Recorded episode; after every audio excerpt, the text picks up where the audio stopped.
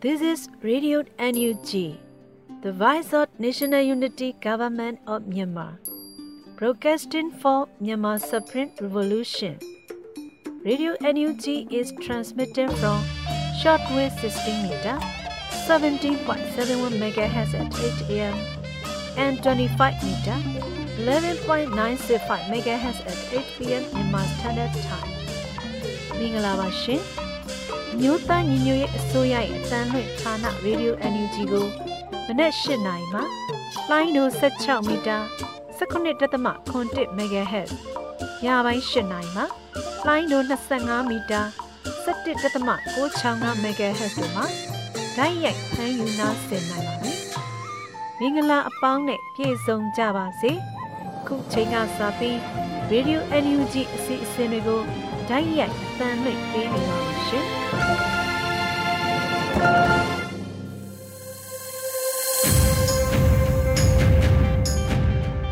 မြန်မာနိုင်ငံသူနိုင်ငံသားအပေါင်းတဘာဝပြီးဆရာနာရှင်ဘေးတို့ကနေကင်းဝေးပြီးကိုစိတ်နှပါကျမ်းမာလုံးခြုံပေးခြင်းကြပါစေလို့ရေဒီယို UNG ဖွဲ့သားများကဆုတောင်းမေတ္တာပို့သလိုက်ရပါတယ်ရှင်။အခုချိန်ကစပြီး ရေဒီယို UNG ရဲ့နောက်ဆုံးရသတင်းအကျဉ်းများကိုຫນွေဦးမုံကတင်ဆက်ပေးပါမယ်ရှင်။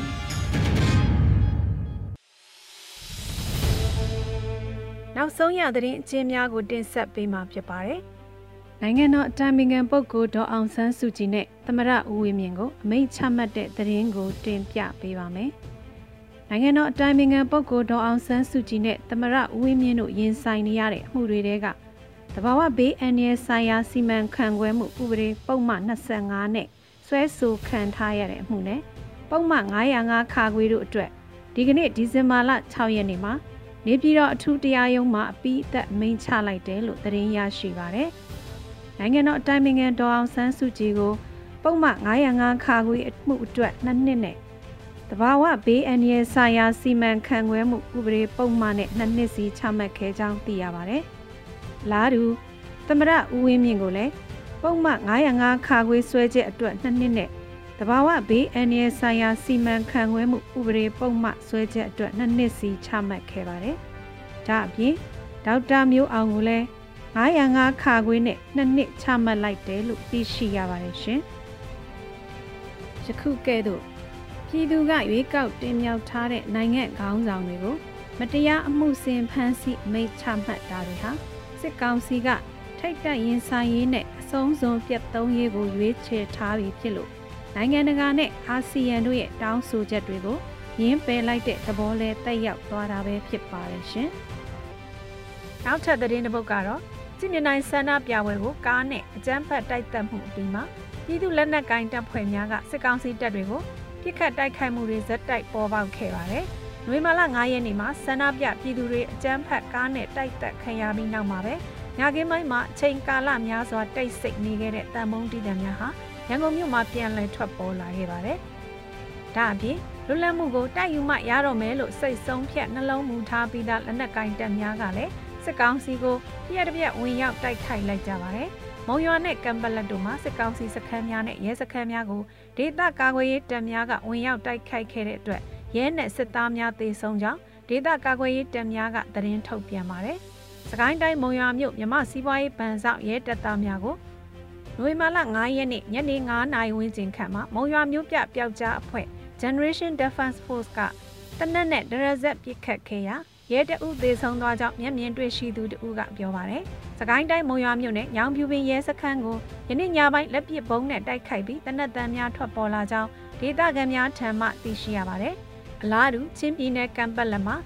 နိုဝင်ဘာလ9ရက်နေ့ညနေ3နာရီမှာရန်ကုန်အတွက်သွေးကြွေးဆက်တဲ့အနေနဲ့ကံပတ်လက်တွင်မြို့ရင်းတိုက်ပွဲဖော်ဆောင်ပြီးစစ်ကောင်စီတပ်သားတအုပ်ကိုတပ်ဖြတ်ကြောင်း CDF ကံပတ်လက်ကသတင်းထုတ်ပြန်ပါတယ်။ချင်း Defense Force CDF ကံပတ်လက်ကသတင်းထုတ်ပြန်ချက်မှာလွေမာလ9ရက်နေ့မနက်၈နာရီဖြစ်စဉ်မှာငင်းကျန်းစွာဆန္ဒပြပြည်သူပေါ်စစ်ကောင်စီတပ်များသည်ကားဖြင့်တိုက်တက်ခြင်းတနက်ဖြင့်ပစ်တက်ခြင်း ထိခိုက်ဒဏ်ရာရသူများကိုစစ်ကူခွင့်မပေးဘဲဖမ်းဆီးသွားခြင်းစတဲ့လူမဆန်တဲ့လုပ်ရက်များအပေါ်လက်တုံပြန်သည်ဟုဆိုပါသည်။တနအီကြာပြစ်ခတ်မှုမှာစစ်ကောင်စီတပ်သားတအူးသေဆုံးပြီးမိမိတို့တပ်ဖွဲ့အောင်မြင်စွာပြန်ဆုတ်နိုင်ခဲ့ကြောင်းသတင်းထုတ်ပြန်ထားတာလည်းတွေ့ရှိရပါတယ်ရှင်။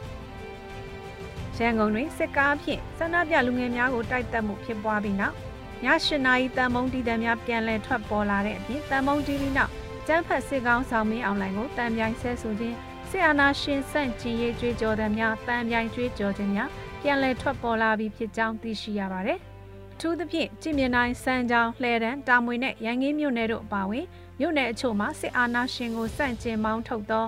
တန်မုံတီဆန္ဒပြခဲ့ခြင်းများဖြစ်ပါတယ်။ဒီဇင်ဘာလ9ရက်နေ့မနက်ပိုင်းကစစ်ကားဖြင့်တိုက်တက်မှုကြောင့်ဆန္ဒပြလူငယ်လေးဦးသေးဆုံးပြီးအများအပြားဒဏ်ရာရရှိပြီးဖမ်းဆီးခံလိုက်ရခြင်းဖြစ်ပါတယ်ရှင်။ ဒီဇင်ဘာလ6ရက်နေ့မနက်ခင်းနဲ့နေ့လယ်ခင်းတွေမှာတင်ဆက်ခဲ့တဲ့သတင်းကောင်းစင်တွေကိုဖတ်ကြားပေးပါမယ်။ကြည်မြင်နိုင်အကြမ်းဖက်မှုပေါ်စစ်ကောင်စီတပ်ကိုပြင်းထန်စွာတုံ့ပြန်မယ်လို့ရန်ကုန်စစ်ဒေသခွဲကြီးညာစကိုင်းတိုင်းမြို့နယ်၃မြို့နယ်ရှိစစ်ဘေးရှောင်များအစားအသောက်ဈေးဝါးများအကူအညီလိုအပ်နေဗမော်မြို့ဖမ်းဆီးခံရသည့်မိသားစု၃ဦးနဲ့တဦးလွတ်မြောက်လာပြည်သူတွေအပေါ်အကြမ်းဖက်စစ်ကောင်စီရဲ့ဆိုးရွားစွာကျူးလွန်နေမှုတွေကို နိုင်ငံတကာအတိုင်းဝိုင်းကသိစေရန်ပုံစံမျိုးစုံနဲ့လှုံ့ဆော်နေတယ်လို့ကုလတန်အမတ်ကြီးဦးကျော်မိုးထွန်းပြောကြားလိုက်တဲ့တဲ့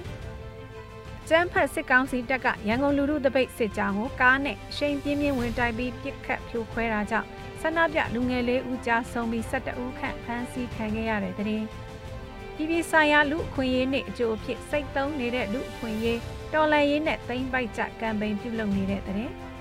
မြန်မာနိုင်ငံတဝန်းကလူမျိုးပေါင်းစုံဘာသာပေါင်းစုံပါဝင်တဲ့ဆီယနာရှင်အမြင့်ပြတ်ချေမုံရေးလူထုဆန္ဒပြပွဲတည်င်းတွေစူးစီးတင်ပြမှုကြည်မြင်တိုင်းမှာဖြစ်ပွားခဲ့တဲ့ဆန္ဒပြလူငယ်တွေပေါ်စစ်ကောင်စီအကြမ်းဖက်မှုမှာလူငယ်သတင်းတောင်နှစ်ဦးလည်းဖမ်းဆီးခံခဲ့ရတဲ့တဲ့။အမေရိကန်တန်ယုံကကြည်မြင်တိုင်းအကြမ်းဖက်မှုပေါ်ကြေညာချက်ထုတ်ပြန်တဲ့တဲ့။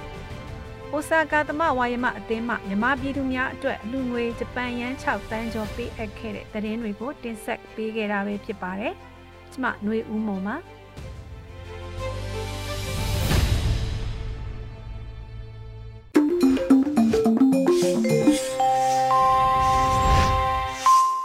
ယခုဆက်လက်ပြီးဟင်းကိုကိုရွတ်ဖတ်ထားတဲ့အင်တာနက်ဒေတာနှုန်းထားမြင့်မဲ့ကြီးရဲ့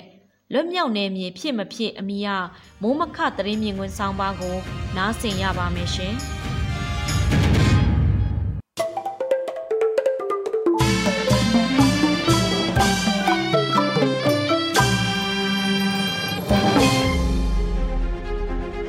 အင်တာနက်ဒေတာနှုန်းထားမြင့်တက်မဲ့ကြရဲ့လွတ်မြောက်နေမြေဖြစ်မဖြစ် Mobile Internet Data ဈေးနှုန်းတွေတက်မဲ့အကြောင်း Mobile Operator Company အချို့က message ပို့အသိပေးနေတာတရက်နှစ်ရက်ရှိနေပါပြီ။ဘလောက်ရာခိုင်နှုန်းမြင့်တက်သွားမလဲတော့တိတိကျကျမသိရပေမဲ့အချို့သောသတင်းတွေအရတော့တရားရာခိုင်နှုန်းနီးနီးမြင့်တက်သွားမယ်လို့ဆိုပါတယ်။ရန်နိုင်ငံအတွင်းတက်မဲ့နှုန်းထားတွေသိရှိလိမ့်မယ်လို့ထင်ပါတယ်။ဘာကြောင့်တက်ဖို့အမိန့်ထုတ်ညွှန်ကြားရတယ်လဲဆိုတာကိုမှန်းဆကြည့်တဲ့အခါဆိုရှယ်မီဒီယာသုံးစွဲမှုကိုညှော့နှဲသွားအောင်ရည်ရွယ်တာကပထမအချက်အခွန်အခပိုရဖို့ကဒုတိယအချက်ဖြစ်မယ်လို့ ယူဆရပါတယ်။နိုင်ငံရေးစစ်ရေးလှုံ့ဆော်မှုတရင်အချက်လက်ဖလှယ်မှုတွေမှာဆိုရှယ်မီဒီယာပလက်ဖောင်းအမျိုးမျိုးကိုသုံးပြီးလှုံ့ဆော်နေကြတာဖေဖော်ဝါရီ၁ရက်နေ့စစ်အာဏာသိမ်းကလေးကဖြစ်တာကြောင့်အင်တာနက်လိုင်းအားလုံးကိုရက်အနှဲငယ်ဖြတ်တောက်ခဲ့တယ်လို့မိုဘိုင်းအင်တာနက်ကိုလာနဲ့ချီဖြတ်တောက်ခဲ့ပြီးအင်တာနက်ကဖျူးလို့ခေါ်တဲ့ညတနာရီကနေမနက်9နာရီအထိဖြတ်တောက်တာကိုလည်းလားနဲ့ချီလုပ်ခဲ့ပြန်ပါတယ်။တပန် ဩဂုတ်လနဲ့စက်တင်ဘာလမှာမြို့နယ်နှစ်ဒါဇင်လောက်မှာအင်တာနက်ညံနှုံးလျှော့ချပြီးသုံးလို့မဖြစ်လောက်အောင်လုပ်ခဲ့တာကလည်းနိုင်ငံရေးစန့်ကျင်မှုနဲ့စစ်ရေးတိုက်ခိုက်မှုတွေမှာဆိုရှယ်မီဒီယာပလက်ဖောင်းအသုံးပြုတာတွေရော့ကျသွားအောင်ရည်ရွယ်ပြီးထပ်မံလှုပ်ဆောင်တာဖြစ်မယ်လို့ကောက်ချက်ချရမှာဖြစ်ပါတယ်။ဒီလိုမိုဘိုင်းအင်တာနက်ကိုဈေးနှုန်းမြင့်တင်လိုက်တာရဲ့အကျိုးဆက်ကငကိုကလေးကထိခိုက်နေတဲ့စီးပွားရေးနယ်ပယ်ပညာရေးနယ်ပယ်တို့ကိုကြီးမားတဲ့ တက်ရောက်မှုဖြစ်စေပါလိမ့်မယ်။ကိုဗစ်ကူးစက်မှုကြောင့်ပိတ်ဆို့ကန့်သက်ထားတဲ့ကာလမှာခစ်စားလာတဲ့အွန်လိုင်းဈေးဝယ်တာတွေပို့ဆောင်ရေးတွေဝန်ဆောင်မှုတွေအတွက်လည်းကုန်ကျစရိတ်မြင့်တက်လာစေမှာဖြစ်ပါတယ်။တစ်ဆက်တည်းမှာစကိုင်းတိုင်းနဲ့မကွေးတိုင်းဆက်ညောင်မြို့မှာချင်းတွင်းမြစ်တွင်ဖြတ်တန်းသွားလာတဲ့တင်မောနှစ်စင်ကိုစစ်တပ်ပိုင်ဖြစ်တယ်လို့တွေးရှိရပြီးတင်စီထားလိုက်တဲ့တဲ့နဲ့ညောင်မြို့ကိုအဝင်အထွက်ဂိတ်တွေ စစ်ဆေးသွားမယ်ဆိုတဲ့ညောင်မြို့ PDF အဖွဲ့ကထုတ်ပြန်လိုက်တဲ့ထုတ်ပြန်ချက်ကြောင့် Social Media Facebook စာမျက်နှာပေါ်မှာကြရက်တွေရိုက်ခဲ့ပါတယ်။ညောင်မြို့ဟာပထမဆုံးမြန်မာနိုင်ငံစကိုင်းတိုင်းမှာလွတ်မြောက်နေမည်ဖြစ်လာပြီဆိုတဲ့ post တွေကိုသတင်း page အမည်ခံတဲ့ page တစ်ခုနှစ်ခုကတင်ခဲ့ရာကနေစန့်ကျင်ဘက်အကျိုးသက်ရောက်မှုဖြစ်ပြီးအားလုံးနဲ့ဖိခံရမှာကိုစိုးရိမ်တဲ့ post တွေရေးသားမှုတွေဇက်တိုက်ဆိုသလိုထွက်လာခဲ့တာတွေ့ရတာပါ။ ညောင်မျိုးကိုယာယီအဖြစ်မြို့အဝင်ထွက်ကိုထိန်းချုပ်ထားနိုင်တာဖြစ်ကောင်းဖြစ်ပေမဲ့မြို့ကိုထိန်းချုပ်ထားဖို့အင်အားအစီအစဉ်တစုံတစ်ခုဖြစ်လာခဲ့ရင်အကူအညီနဲ့ပြန်ခုခံဖို့စတဲ့ပြင်ဆင်မှုတွေမပြည့်စုံသေးတဲ့အခြေအနေမှာအတန်းကြဲကြဲလောင်လောင်မထွက်သင့်ဘူးလို့ထင်မြင်ယူဆသူတွေကအများအပြားရှိကြတဲ့သဘောလည်းဖြစ်ပါတယ်။တိုင်းရင်းသားဒေသတွေမှာလွတ်မြောက်နယ်မြေဖြစ်နေတာအများအပြားရှိပြီး တိုင်းရင်းသားဒေသတွေရဲ့လွတ်မြောက်နယ်မြေတွေအနေနဲ့ပထဝီအနေထားအရတောတောင်အကာအကွယ်နောက်ခံအိမ်နီးချင်းနယ်ဆက်အနေထားစတဲ့အာသာချက်တွေပေါ်မှီတည်ပြီးလွတ်မြောက်နယ်မြေဖြစ်ထူထောင်ထားကြတာဖြစ်ပြီးစကိုင်းတိုင်းရဲ့မြို့တစ်မြို့ကိုလွတ်မြောက်နယ်မြေဖြစ်ကျင်းညာတီထောင်နိုင်မလားဆိုတဲ့အပေါ်လိုအပ်ချက်အများပြားရှိနေလိမ့်မယ်ဖြစ်ပါတယ်။နောက်သတင်းတစ်ပုဒ်ကတော့စစ်အာဏာသိမ်းပြီးနောက် စစ်အာဏာသိမ်းမှုစန့်ကျင်ရေးဆန္ဒပြသူစစ်အာဏာရှင်စန့်ကျင်ရေးလှုပ်ရှားသူတွေကိုဖြိုခွဲပစ်သက်တာတွေဖမ်းဆီးဖို့ပြစ်ခတ်တာတွေကြောင့် PDF ဆွဆွဲခံရပြီးစစ်ကြောရေးမှာတေဆုံးသူစသဖြင့်စုစုပေါင်း1300နဲ့3ယောက်ရှိနေပြီလို့ AAPP ကထုတ်ပြန်လိုက်ပါတယ်။ဒီကိန်းဂဏန်းတွေထဲမှာ PDF လက်နက်ကင်တပ်ဖွဲ့ဝင်တွေတိုက်ခတ်ရင်အသက်ဆုံးရှုံးမှုတွေပါဝင်သလားမပါဝင်သလားရှင်းရှင်းလင်းလင်းမသိရပါဘူး။ တစ်ဖက်မှာတော့သတင်းပေးလို့ဆွဆွဲခံရသူတန်တရားရှိသူတွေကိုပြစ်မှတ်ထားလှုပ်ကြံတက်ဖြတ်မှုတွေမှာတေဆုံးတဲ့ကိန်းဂဏန်းတွေကိုစစ်ကောင်စီဘက်ကအပြစ်မဲ့အယက်သားတေဆုံးမှုခေါင်းစဉ်နဲ့ကောက်ယူနေပြီးအခါအားလျော်စွာထုတ်ပြန်လေးရှိပါတယ်။လက်နက်ကင်အချင်းချင်းတိုက်ခတ်မှုမပါခဲ့ရင်တော့စစ်အာဏာသိမ်းပြီးချိန်ကစလို့နှစ်ဖက်စလုံးမှာတေဆုံးမှုအရေးအတွက်ဟာ2000ကျော်ရှိနေလိမ့်မယ်လို့ခန့်မှန်းရပါတယ်လို့ ရေးသားထားပါတယ်ခင်ဗျာ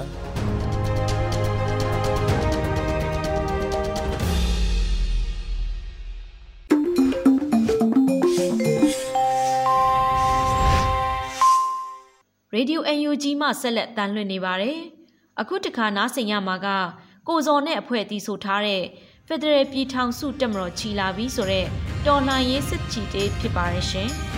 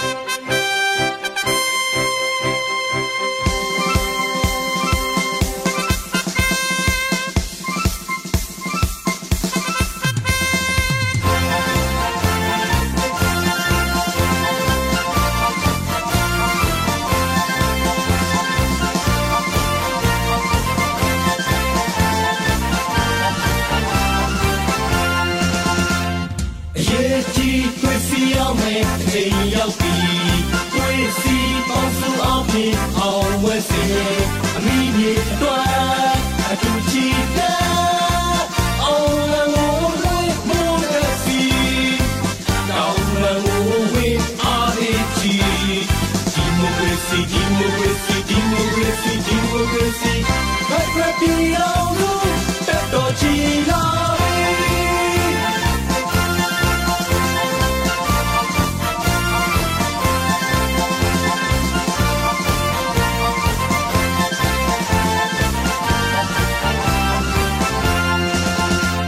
业绩最需要美，更要比；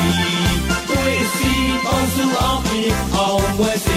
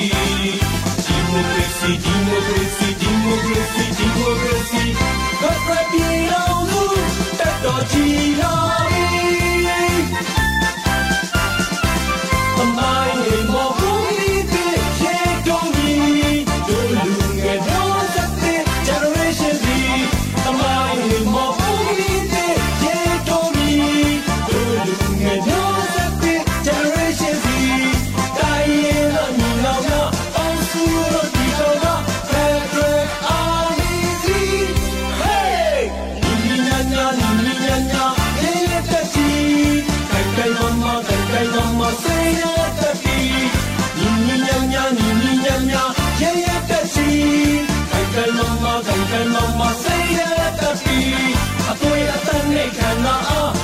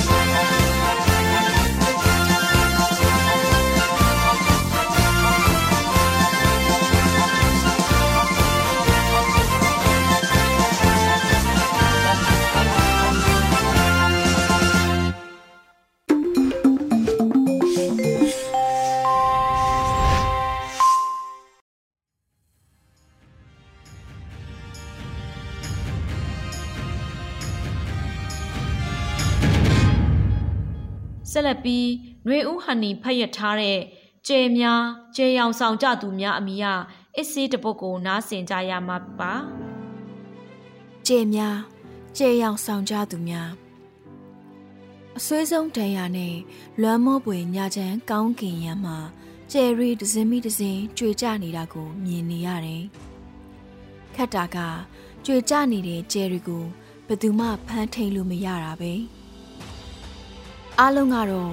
ဒီကျဲတွေကိုအချိန်နဲ့အမျှနှမျောတက်တာကြေကွဲမဆုံးနိုင်ဖြစ်နေကြရပြီးဒီခံစားမှုကပေါက်ဖွာလာတဲ့စကလုံးတွေဟာရစမှုဖိလိမ့်မှုနဲ့အမြင့်ဆုံးတန်ကိုခံစားနေကြရတဲ့လူသားတို့ရဲ့တကယ်ဖြစ်ရမှန်းတမိုင်းတစ်ခုမှာရေးတင်ရမယ့်အရေးကြီးဆုံးအခရာတွေဖြစ်နေတယ်ဆိုတာဘယ်သူမှမငြင်းနိုင်ကြပါဘူးအချို့ကလည်းကျယ်တွေကိုကြည့်ပြီးသူတို့ကိုယ်တိုင်နဲ့ကိုကိုကိုအရှင်အယောင်တွေတောက်ပါတယ်လို့ ထင်မှတ်သွားတတ်ကြသေးတယ်။ဒါပေမဲ့ကျဲဆိုတာအတူလို့လို့မရဘူးဆိုတဲ့အခြေခံကို နားမလည်ကြတာပဲ။စာရေးဆရာ၊ကြပြဆရာ၊တည်င်းစာဆရာ၊နိုင်ငံရေးသမား၊တချင်းရေးဆရာ၊တေးသချင်းတီဆိုသူတေးဂီတာပညာရှင်ပကြီးဆရာစသူတို့အားလုံးဟာသူတို့ဖြတ်တန်းလာတဲ့သမိုင်းစင်မှာနိုင်ငံရေးနဲ့မပတ်သက်ချင်လို့မရပါဘူးအခုဖြစ်နေတဲ့အဖြစ်ဆိုးတွေကို တစ်ချိန်လုံးကတိုင်းရင်းသားလူမျိုးစုတွေစီမှာလဲတွေ့ကြုံခံစားကြရတာပါပဲဒီလိုဖြစ်ရမှန်တော်တော်များများကိုစစ်စစ်မှန်မှန်ဖော်ထုတ်ပြသတဲ့လူတွေအတော်ရှားပါပါတယ်ပြီးခဲ့တဲ့ဆယ်စုနှစ်တခုကျော်လောက်ကနိုင်ငံရေးဟာအမှုပညာနဲ့မသက်ဆိုင်ဘူးလို့ယူဆသူများလည်းယူဆခဲ့ကြပူပါတယ်။ အခုတော့တော်တော်များများဟာဖိနှိပ်မှုကိုအာခံတဲ့အထည်ရှေ့တန်းကပါဝင်လာတာကို တွေ့လာရပါတယ်။ဒီအပြောင်းလဲကိုတော့ကျွန်တော်တို့လေးစားဂုဏ်ယူကြရမှာပါ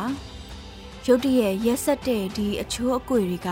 လူတွေအားလုံးရဲ့အမြင်ကိုတမဟုတ်ချင်းပြောင်းလဲပြစ်လိုက်ပါပြီ။လူတွေအားလုံးသူ့အကန့်နဲ့သူစီးတစ်ခုချားနေကြရကအားလုံးကိုစီးတစ်ဖက်ထဲအရာပို့လိုက်ပါပြီ။ တကယ်တော့စာရေးဆရာကပြဆရာတွေအပါဝင် အနုပညာရှင်အလုံးဟာ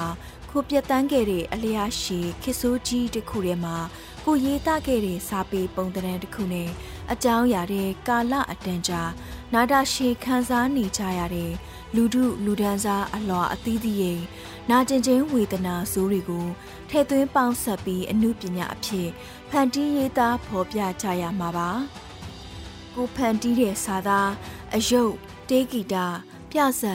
တရုပ်ဖော်တင်ဆက်မှုအစရှိတာတွေဟာအမှုပညာဖြစ်မှုရှိဖို့လိုတယ်ဆိုတာကိုတော့အထူးပြောဖို့မလိုပါဘူးကိုမောင်းလာတဲ့ကိုရိုင်းရေးရထားနဲ့ကိုဘလို့ဖြတ်တန်းလာခဲ့တယ်ဆိုတာကိုကိုရိုင်းရေးတဲ့တမိုင်းကြေးမုံပြင်ကပဲအချိန်နဲ့တပြေးညီမှတ်တမ်းပြုစုပြီးသားဆိုတာကိုကိုရိုင်းသိရှိတဲ့သူကရှားပါတယ်ဒါပေမဲ့ ထူးခြားအံ့ဩဖွယ်ကောင်းတာကသူတို့ရဲ့လှုပ်ရှားမှုတွေကိုသူတို့လှုပ်ရှားခဲ့ကြတဲ့ဖြစ်ရမှန်အတိုင်းအတိအကျ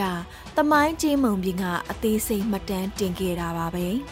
။နောင်လာနောက်သားတွေစာပေသမားကြပြသမားအမှုပညာသမားတွေရဲ့အတိတ်ကလုပ်ရက်တွေကိုပြန်ကြည့်တဲ့အခါအမှန်တိုင်းပြန်တွေးခွင့်ရသလိုမျိုးပေါ့။ဘာပဲဖြစ်ဖြစ်ကာလာဆိုးတစ်ခုကို ထိတွေ့ခဲ့ကြရတဲ့ စာသမား၊ကြပြသမားအမှုပညာသမားတွေရေးသားခဲ့ကြတဲ့စကားပြေကြပြအစရှိတဲ့အမှုပညာပုံတရံအမျိုးမျိုးနဲ့ရေးဖွဲ့မှုမှာဘာတွေရေးခဲ့ကြတယ်ဆိုတာသူတို့ကိုယ်တိုင်အသိဆုံးပါ။ကွယ်ဝှက်ထားလို့မရပါဘူး။ ကျွန်တော်တို့တိုင်းပြည်ရဲ့အတန်မတာတဲ့နှစ်60စာတေးသွားတဲ့ပုံမှာဘယ်ဆယ်စုနှစ်အပိုင်းအခြားပဲကြည်ကြည်ကိုအတ္တကိုမငဲ့ကွက်ပဲအရာရာကိုထိုးထွင်းသိမြင်နိုင်စွမ်းရှိတဲ့စာပေကဗျာသမားနဲ့အခြားအမှုပညာသမားတွေဟာသူတို့ဖန်တီးတဲ့စာပေကဗျာအမှုပညာကိုထူးဆန်းတဲ့ပုံသဏ္ဍာန်အသစ်တစ်ခုဖြစ်ထွန်းမှုဆူရှတဲ့အော်တန်တစ်ခုနဲ့ယုံကြည်ရာလမ်းကြောင်းတစ်ခုအတိုင်းဖောက်ထွက်လာခဲ့ကြပါတယ်။ အခုထိလဲသွားနေကြသေးပါဒီနေရာမှာဘယ်သူတွေဟာဘလို့စာမျိုးရေးဖွဲ့ခဲ့ကြသလဲဆိုတာစိတ်ဝင်စားရာကောင်းလာပါတယ်ဘယ်သူတွေဟာ policy ကားရိုက်ဖူးသလဲ policy တချင်းရေးဘူးတလဲ policy တချင်းဆိုဘူးတလဲဆိုတာမျိုးလဲပါတာပေါ့ကိုရေးသားဖန်တီးတဲ့စာပေအရေးအသားနဲ့အမှုပညာဖန်တီးမှုတစ်ခုသတင်းဆောင်ပါတစ်ပုဒ်ဟာ ဖိနှိပ်ချုပ်ချယ်တဲ့ဖောက်ပြန်တဲ့လူဒန်းစားဘက်တိမ်ညွတ်တဲ့အရေးအသားနဲ့အမှုပညာလား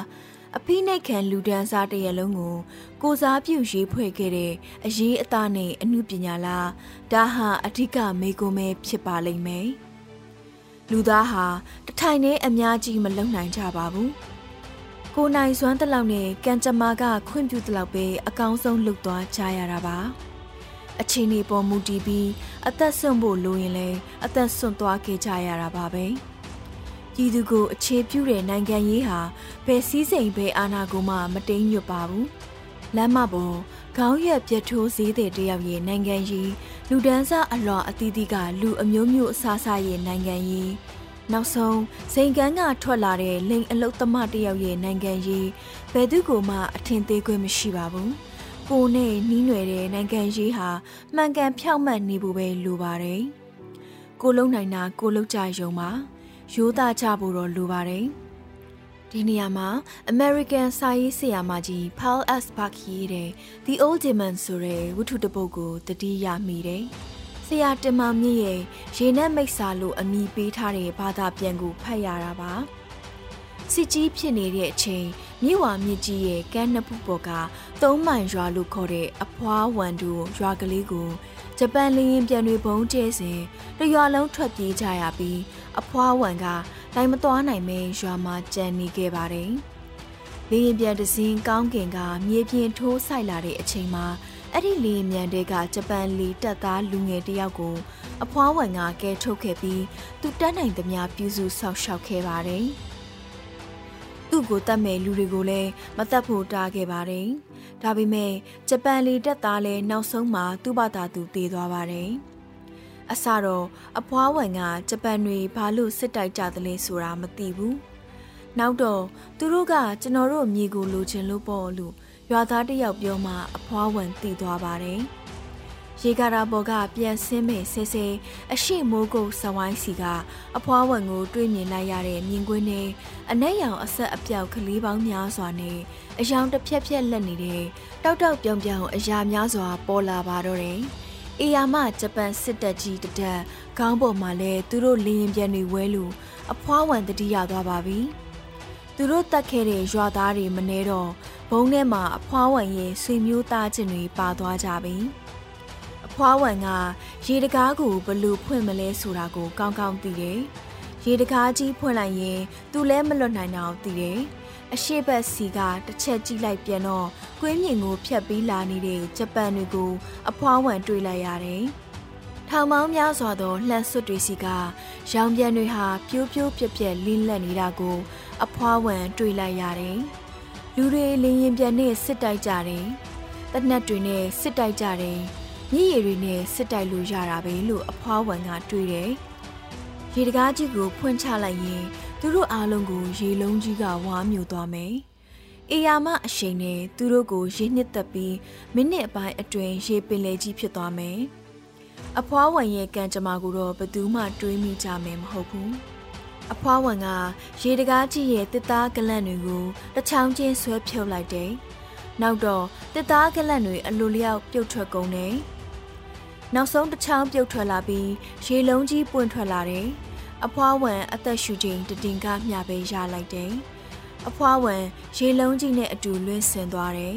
။တပြိုင်နက်တည်းရေလုံးကြီးကကြောင်းမက်ဖွယ်အဟုန်နဲ့ရန်သူစစ်တပ်ကြီးစီအော်ဟစ်ပြေးဆင်းသွားပါတယ်။တကယ်တော့အဖွားဝန်ဟာဘသူမှမသိလိုက်တဲ့ကြွေသွားတဲ့ကျဲတစင်းပါပဲ။သူဟာသူ့လုံးနိုင်တဲ့အလုပ်ကိုအသက်ပေးပြီးလုပ်လိုက်တာပါပဲ။ သူလုပ်တဲ့အလုပ်ကရန်သူကိုထိထိရောက်ရောက်ချိန်မုံနိုင်ပြီးအများအတွက်အကျိုးရှိနိုင်တာကိုသိလို့သူ့အသက်ပါပေးလိုက်တာပါပဲသူ့အတွက်ဘာသူရဲကောင်းလက်မှတ်မှမလိုအပ်ပါဘူးဘာကုံလူးဆောင်လက်မှတ်မှလည်းမလိုအပ်ပါဘူးနိုင်ငံရေးဟာပရိယေမာယာများတယ်ဒါပေမဲ့ဖက်စစ်နဲ့လူလူဟာဘယ်တော့မှမယွန်းတော့ဘူးဒီနေရာမှာကျွန်တော်စိတ်ကတစုံတရာကိုတတိယသွားတယ် ကို့တိုင်းပြည်မှာဖြစ်ထွန်းနေတဲ့နိုင်ငံရေးကိုဘဝင်မကြတဲ့အမြင်တစ်ခုနဲ့မိတ်ဆွေအချို့ကိုနိုင်ငံရေးအကြောင်းပြောမိရမှာနိုင်ငံတနိုင်ငံမှာစစ်တပ်မရှိရင်ဘာဖြစ်သွားမယ်ထင်တယ်လေတဲ့သူတို့လုံနေတဲ့နိုင်ငံရေးကိုကာကွယ်ပြောခဲ့ချပုံတွေပါကျွန်တော်ဘာမှမပြောဘဲရီပဲရီနေလိုက်ပါတယ်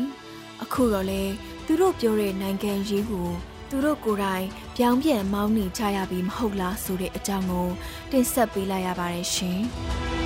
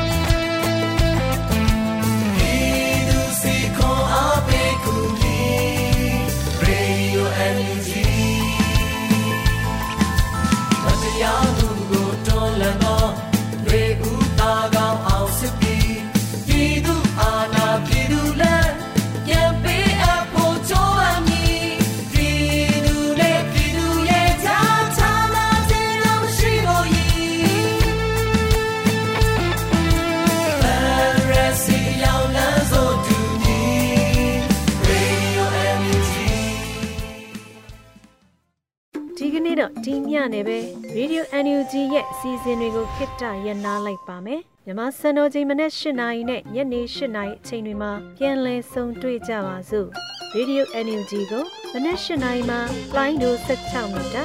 19.7 MHz ညပိုင်း၈နာရီမှာလိုင်းဒို25မီတာ17.665 MHz တို့မှာဓာတ်ရိုက်ဖမ်းယူနာဆင်နိုင်ပါပြီ။မြန်မာနိုင်ငံသူနိုင်ငံသားများကိုစိတ်နှဖျားချမ်းမာချမ်းသာလို့ဘေးကင်းလုံခြုံကြပါစေလို့ Radio NUG ဖွဲ့သူဖွဲ့သားများကဆုတောင်းလိုက်ရပါတယ်။မြို့သားညီညွတ်ရေးအစိုးရရဲ့ဆက်သွယ်ရေးတည်င်းချက်လက်နဲ့ဤပညာဝန်ကြီးဌာနကထုတ်လွှင့်နေတဲ့ Radio NUG ဖြစ်ပါတယ်။ San Francisco Bay Area အခြေစိုက်မြန်မာမိသားစုများနဲ့နိုင်ငံတကာကစေတနာရှင်များလုံအားပေးများရဲ့ Radio NUG ဖြစ်ပါတယ်။ရေးတော်ပုံအောင်ရမည်